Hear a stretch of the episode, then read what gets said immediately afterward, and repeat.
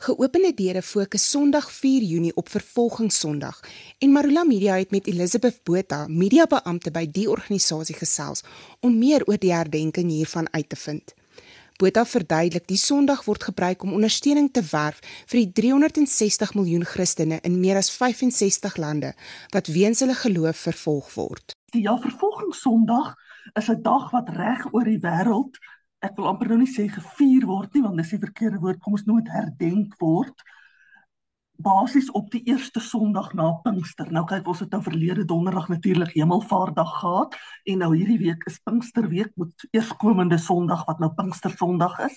So dan nou elke jaar die Sondag net na Pinkster wat nou hierdie jaar dan val op Sondag 4 Junie is Vervolgingssondag wêreldwyd. Nou hierdie dag beklemtoon die intense vervolging wat Christene in baie lande vir hulle geloof moet verduur.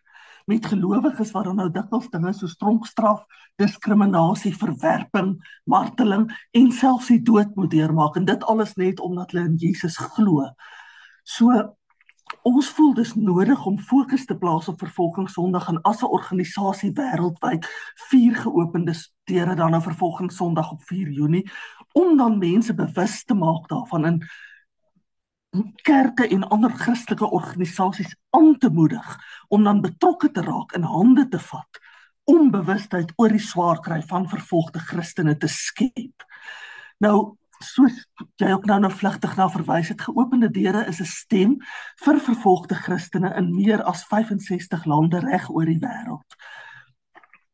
Meer as 360 miljoen Christene ervaar hoë vlakke van vervolging en dan ook diskriminasie weens hulle geloof. Dit is 'n stygings van 20 miljoen sedert slegs 2 jaar gelede. In hierdie syfer verteenwoordig een uit elke 7 Christene wêreldwyd. Nou is dit nie skrikwekkend nie, Estie. Nou hierdie veldtog soos dit genoem het is daarop gemik om vervolging Sondag op die agendas van soveel kerke en ander Christelike organisasies as moontlik te kry.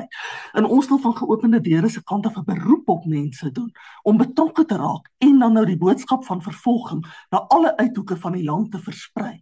Ons wil verskriklik graag elke kerk in Suid-Afrika daarbey betrek om vervolging Sondag gedurende hulle eredienste op 4 Junie te herdenk. Christene is van die vroegste tye al weens hulle geloof geteken en die Bybel gee ons talle voorbeelde hiervan, verduidelik Elisabeth. Die konsep vervolging, baie mense dink as ons nou by geopende deure daaroor praat, dis 'n nuwe ding, maar dit is nie 'n nuwe ding nie. Dit is absoluut al van die Bybelse tye af wat dit plaasvind. Weet jy, mense besef nie dat vervolging van Christene al eeue gelede begin het nie maar dit is vandag nog 'n realiteit. Die vervolging van Christene het kort na Jesus se hemelvaart begin, toe 'n groep van sy volgelinge in die vroeë kerk na Pinkster in Jerusalem bymekaar gekom het om saam te bid. Nadat hulle met die Heilige Gees vervul is, het hulle begin om die goeie nuus van Christus te versprei en het die vervolging van die vroeë kerk momentum gekry. Nou as ek byvoorbeeld aan 'n sprekende voorbeeld wil dink van iemand wat 'n baie goeie voorbeeld van vervolging is, is dit natuurlik Paulus. Paulus het aanvanklik begin as Saulus. Saulus was 'n jong Jood uit die ortodokse Jodendom natuurlik wat wyd rond gegaan het en militêre magte bymekaar gekry het om Christene te vervolg en dan ook dood te maak. En Saulus het tot uiters ekstremistiese uithoeke gegaan om Christene te vervolg. Nou natuurlik totdat hy op pad na Damaskus 'n ontmoeting met Jesus Christus gehad het. Ons almal ken die verhaal in Handelinge waar Paulus toe nou vir Jesus ontmoet het, waar hy met blindheid geslaan is, waar hy toe in Damaskus 'n man genaamd Ananias ontmoet het wat hom van Christus vertel het en waar hy toe fisies sy hart vir die Here gegee het. Toe het hy natuurlik van Saulus sy naam verander na Paulus en verander in ek wil amper sê nie een van die grootste nie, maar die grootste profeet wat daar was. Hy het toe begin om die Here se woord te verkondig en hy die evangelie in alle uithoeke versprei. Hy het so ver as Rome gereis. Jy weet en hy self is toe vervolg omdat hy die Christendom versprei het. Natuurlik ook as jy kyk na die ander disippels van Christus, die 12 wat na sy kruisiging en na sy opstanding en sy opvaarding uitgegaan het om die evangelie te versprei. As jy gaan oplees in die geskiedkundige stukke sal jy sien dat omtrent almal van hulle, ek dink Johannes was die enigste een wat nie gewelddadig gesterf het nie. Verder het almal van hulle gewelddadig versterf omdat hulle vervolging ervaar het oor dat hulle die Here se woord verkondig het. Jy weet so kan 'n mens terugkyk. Ek dink aan nog 'n voorbeeld Stefanus byvoorbeeld wat die eerste martelaar was. Stefanus is gestenig en terwyl hy met klippe doodgegooi is, het hy opgekyk na die hemel en hy het Jesus gesien aan die regterhand van God en hy het vir die Here gesê Here ontvang my gees ek is op pad en Stefanus is natuurlik op hierdie wrede manier ook doodgemaak omdat hy die Here se woord versprei het. Nou so kan 'n mens terugdink aan talle voorbeelde in die Bybel van mense wat vervolging ervaar het. Geopende deure doen gereeld navorsing oor die vervolging teen Christene om die organisasie te help om te bepaal waar hulle hul werksaamhede moet toespits. Daarom weet geopende deure ook hoe volgelinge van Jesus weens hulle geloof geteken word. Mense word dikwels uit hulle huise uitgedryf en dan ontwortel omdat hulle Jesus dien. Hulle word met ander woorde dan fisies weggejaag uit hulle huise en hulle het nie 'n ander blyplek nie en dan eindig hulle op in vlugtelingkampe omdat hulle die Here dien. Dan dink ek ook byvoorbeeld aan dinge soos jong mense, die jeug byvoorbeeld wat in die skool selfs op skoolvlak al vervolg word. Hulle word geboelie deur ander kinders. Hulle word deur die onderwysers eenkant toe gestoot en kry nie die nodige opleiding nie. Hulle word dan agter in die klas gesit. Ons hulle miskien, ons het miskien 3 Christene in 'n klas van 80 moslim kinders, jy weet, en hulle word dan absoluut uitgestoot en verwerp. Dan dink ek aan jong mense wat sukkel om werk te kry. Hulle sukkel om geskikte poste te kry omdat hulle fisies as hulle aansoek doen vir poste van die hand gewys word omdat hulle Christene is. Jy weet so kan ek aangaan mense word gemartel. Ek dink in lande soos Noord-Korea byvoorbeeld word mense gemartel hulle word in strafkampe gegooi. Hulle word in die tronk gegooi dan hierdie Christen mense in 'n klein selletjie wat so klein is dat hulle nie eers kan opstaan en rondloop in die selletjie nie. Daar kom nie eers sonskyn in nie. Hulle sit in die donker in daai selletjie en hulle word dan op 'n daaglikse basis gemartel en ondervra terwyl hulle in gevangehouding is en dikwels gebeur dit dan dat hulle uiteindelik doodgemaak word en as hulle nie doodgemaak word nie word hulle permanente strafkampe verban. So jy weet daar is soveel maniere waarop Christene gemartel word en hulle of dan vervolg word en hulle word nie net deur die owerhede vervolg nie, hulle word deur hulle eie gesinne vervolg. Gesinne wat dikwels byvoorbeeld moslems of ander gelowe is en dan uitvind dat hierdie persoon 'n Christen geword het. 'n Vrou wat 'n Christen word, sal byvoorbeeld deur haar moslem gesin dan uitgedryf word. Sy's ontwortel, sy word gedwing weg van haar man af. Sy moet haar kinders selfs al is hulle klein agterlaat by haar man, dan skei haar man van haar in dieselfde asem word ander vroue wat nog nie getroud is nie gedwing om in huwelike met moslem mans te gaan. Dis dan alles natuurlik in 'n poging om hulle te kry om hulle Christendom te verwerp en weer terug te keer na Christendom. So ja, ek kan aan talle sulke maniere dink waarop mense verwerp word. Soos ek gesê het, deur hulle gesinne, deur hulle mense in hulle dorpe, deur hulle plaaslike regering, deur hulle owerhede. So dis van gesinsvlak regdeur tot op nasionale vlak. 'n Mens kan ook nie oor die vervolging van Christene praat nie sonder om na geopende deure se wêreldwaarnemingslys te verwys nie. Hierdie lys identifiseer die top 50 lande waar vervolging teen Christene die heel ergste is. Elizabeth lig 'n paar knelpunte op die lys uit. Noord-Korea, ek het nou nou vlugtig aan Noord-Korea geraak. Noord-Korea is in die eerste plek op die wêreldwaarnemingslys. Al vir hoeveel lande? Hulle was die laaste jaar vlugtig af tot nommer 2 toe, maar hulle is hierdie jaar weer terug in die nommer 1 posisie nadat hulle vir die vorige 20 jaar van 2002 tot 2021 in die eerste plek was. Hulle vervolg Christene op die gruwelikste maniere. Arrestasie lei tot 'n regstelling. Mense word met ander woorde doodgemaak of dan die alternatief is 'n lewe in een van die land se gruwelike onmenslike kampe vir politieke gevangenes.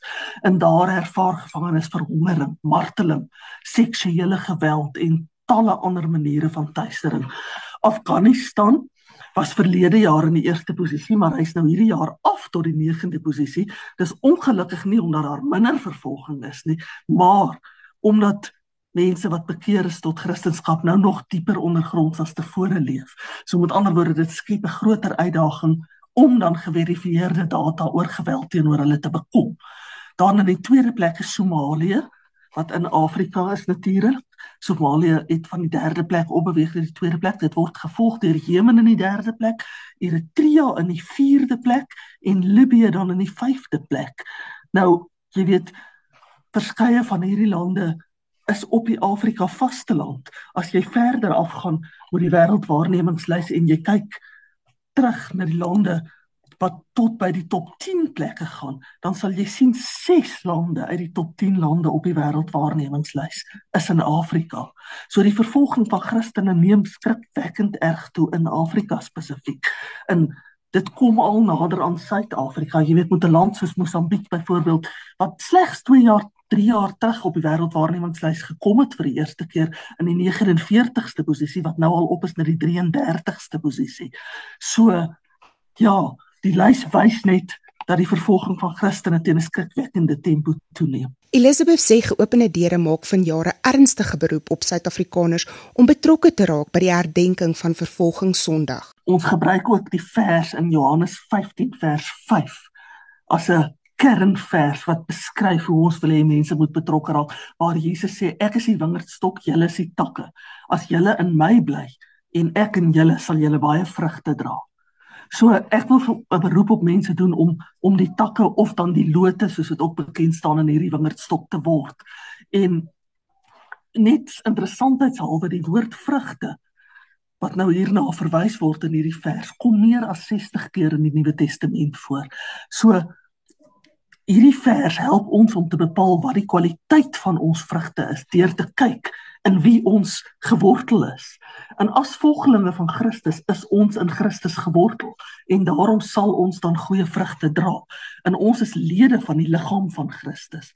En as lede van die liggaam van Christus wil die Here hê dat ons goeie vrugte moet dra en betrokke moet raak en moet help dat die wêreld vervolging Sondag onthou en moet help dat ander ook betrokke raak by vervolging Sondag.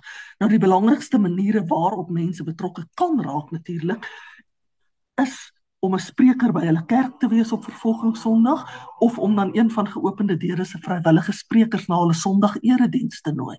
Of dan derdens kerke en organisasies en individue kan 'n vervolging Sondag erediens byvoorbeeld of 'n vervolging Sondag byeenkoms aanbied. So met ander woorde 'n spesifieke kerk kan sy hele erediens op Sondag 4 Junie om vervolging Sondag laat wentel. Die dominee kan dan preek oor vervolging Sondag. Hy kan iets uit die Bybel lees wat gaan oor vervolging Sondag. Hy kan bid daaroor en dan die gemeente meer inlig. Maar as die dominee nou nie die hele diens so wil wy nie, kan hy dan nou een van die ander twee metodes volg. Die een is nou natuurlik om 'n spreker by jou kerk te neem wees op vervolging Sondag. Nou enige een kan 'n stem wees vir vervolging Christene wat nie in staat is om vir hulle self te praat nie, deur dan 'n vrywillige spreker by hulle eie kerk te wees op 4 Junie. Dis 'n ideale geleentheid om die boodskap van die vervolgde kerk te help versprei onder jou gemeente. So jy staan basies 'n stem vir ons broers en susters, vir ons geloofsfamilie wat nie in staat is om vir hulle self te praat nie, deur in jou kerk te praat. En mense wat wil praat kan dan ook geopende deure kontak en ons sal dan vir hulle verduidelik hoe hulle te werk en gaan deur dan nou perso in persoon na na hulle kerk te gaan en daar as 'n spreker op te tree.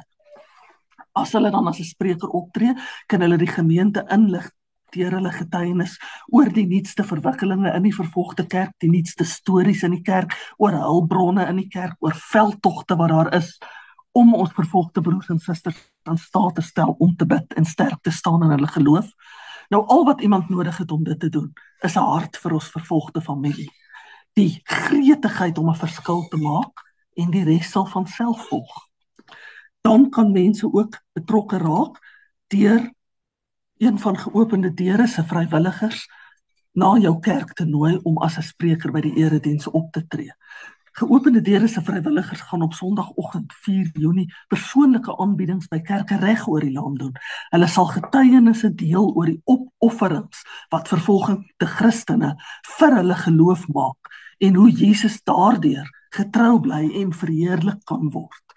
So daar is soveel verskillende maniere wat mense dan betrokke kan raak dat ek wil regtig 'n beroep op mense doen word deel van vervolging Sondag raak betrokke. Elisabeth verduidelik waar jy meer inligting kan kry oor vervolging Sondag en hoe om dit te herdenk. Weet jy, is dit die maklikste manier waarskynlik is om na ons webtuiste te gaan. Ons webtuiste is www.opendoors.org.za. Dan as hulle op die webtuiste klik, dan maak dit onmiddellik oop op 'n venster wat oor volgende Sondag gaan. As hulle dan op daardie venster klik, dan vat hulle dit vat hulle dit hulle deur na al die inligting oor vervolging Sondag en hoe jy te werk kan gaan om 'n vrywilliger te word vir geopende deure in as 'n spreker op te tree by 'n kerk ensovoorts. So die webtuiste is www.opendoors.org.za. Alternatiefelik kan hulle ook ons kantoor skakel by 011 8889341. Dis 011 8889341. Alternatiefelik kan hulle ook vir Sonja Janse van Rensburg kontak. Sonja is die hoof van ons kerkverhoudinge vrywilligerspan. Met ander woorde, sy is direk in beheer van al die vrywilligers en lei die vrywilligerspan by geopende deure. Nou Sonja se e-posadres is sonja@audi.org. So sonja@audi.org en haar selfoonnommer is 076 896 6975.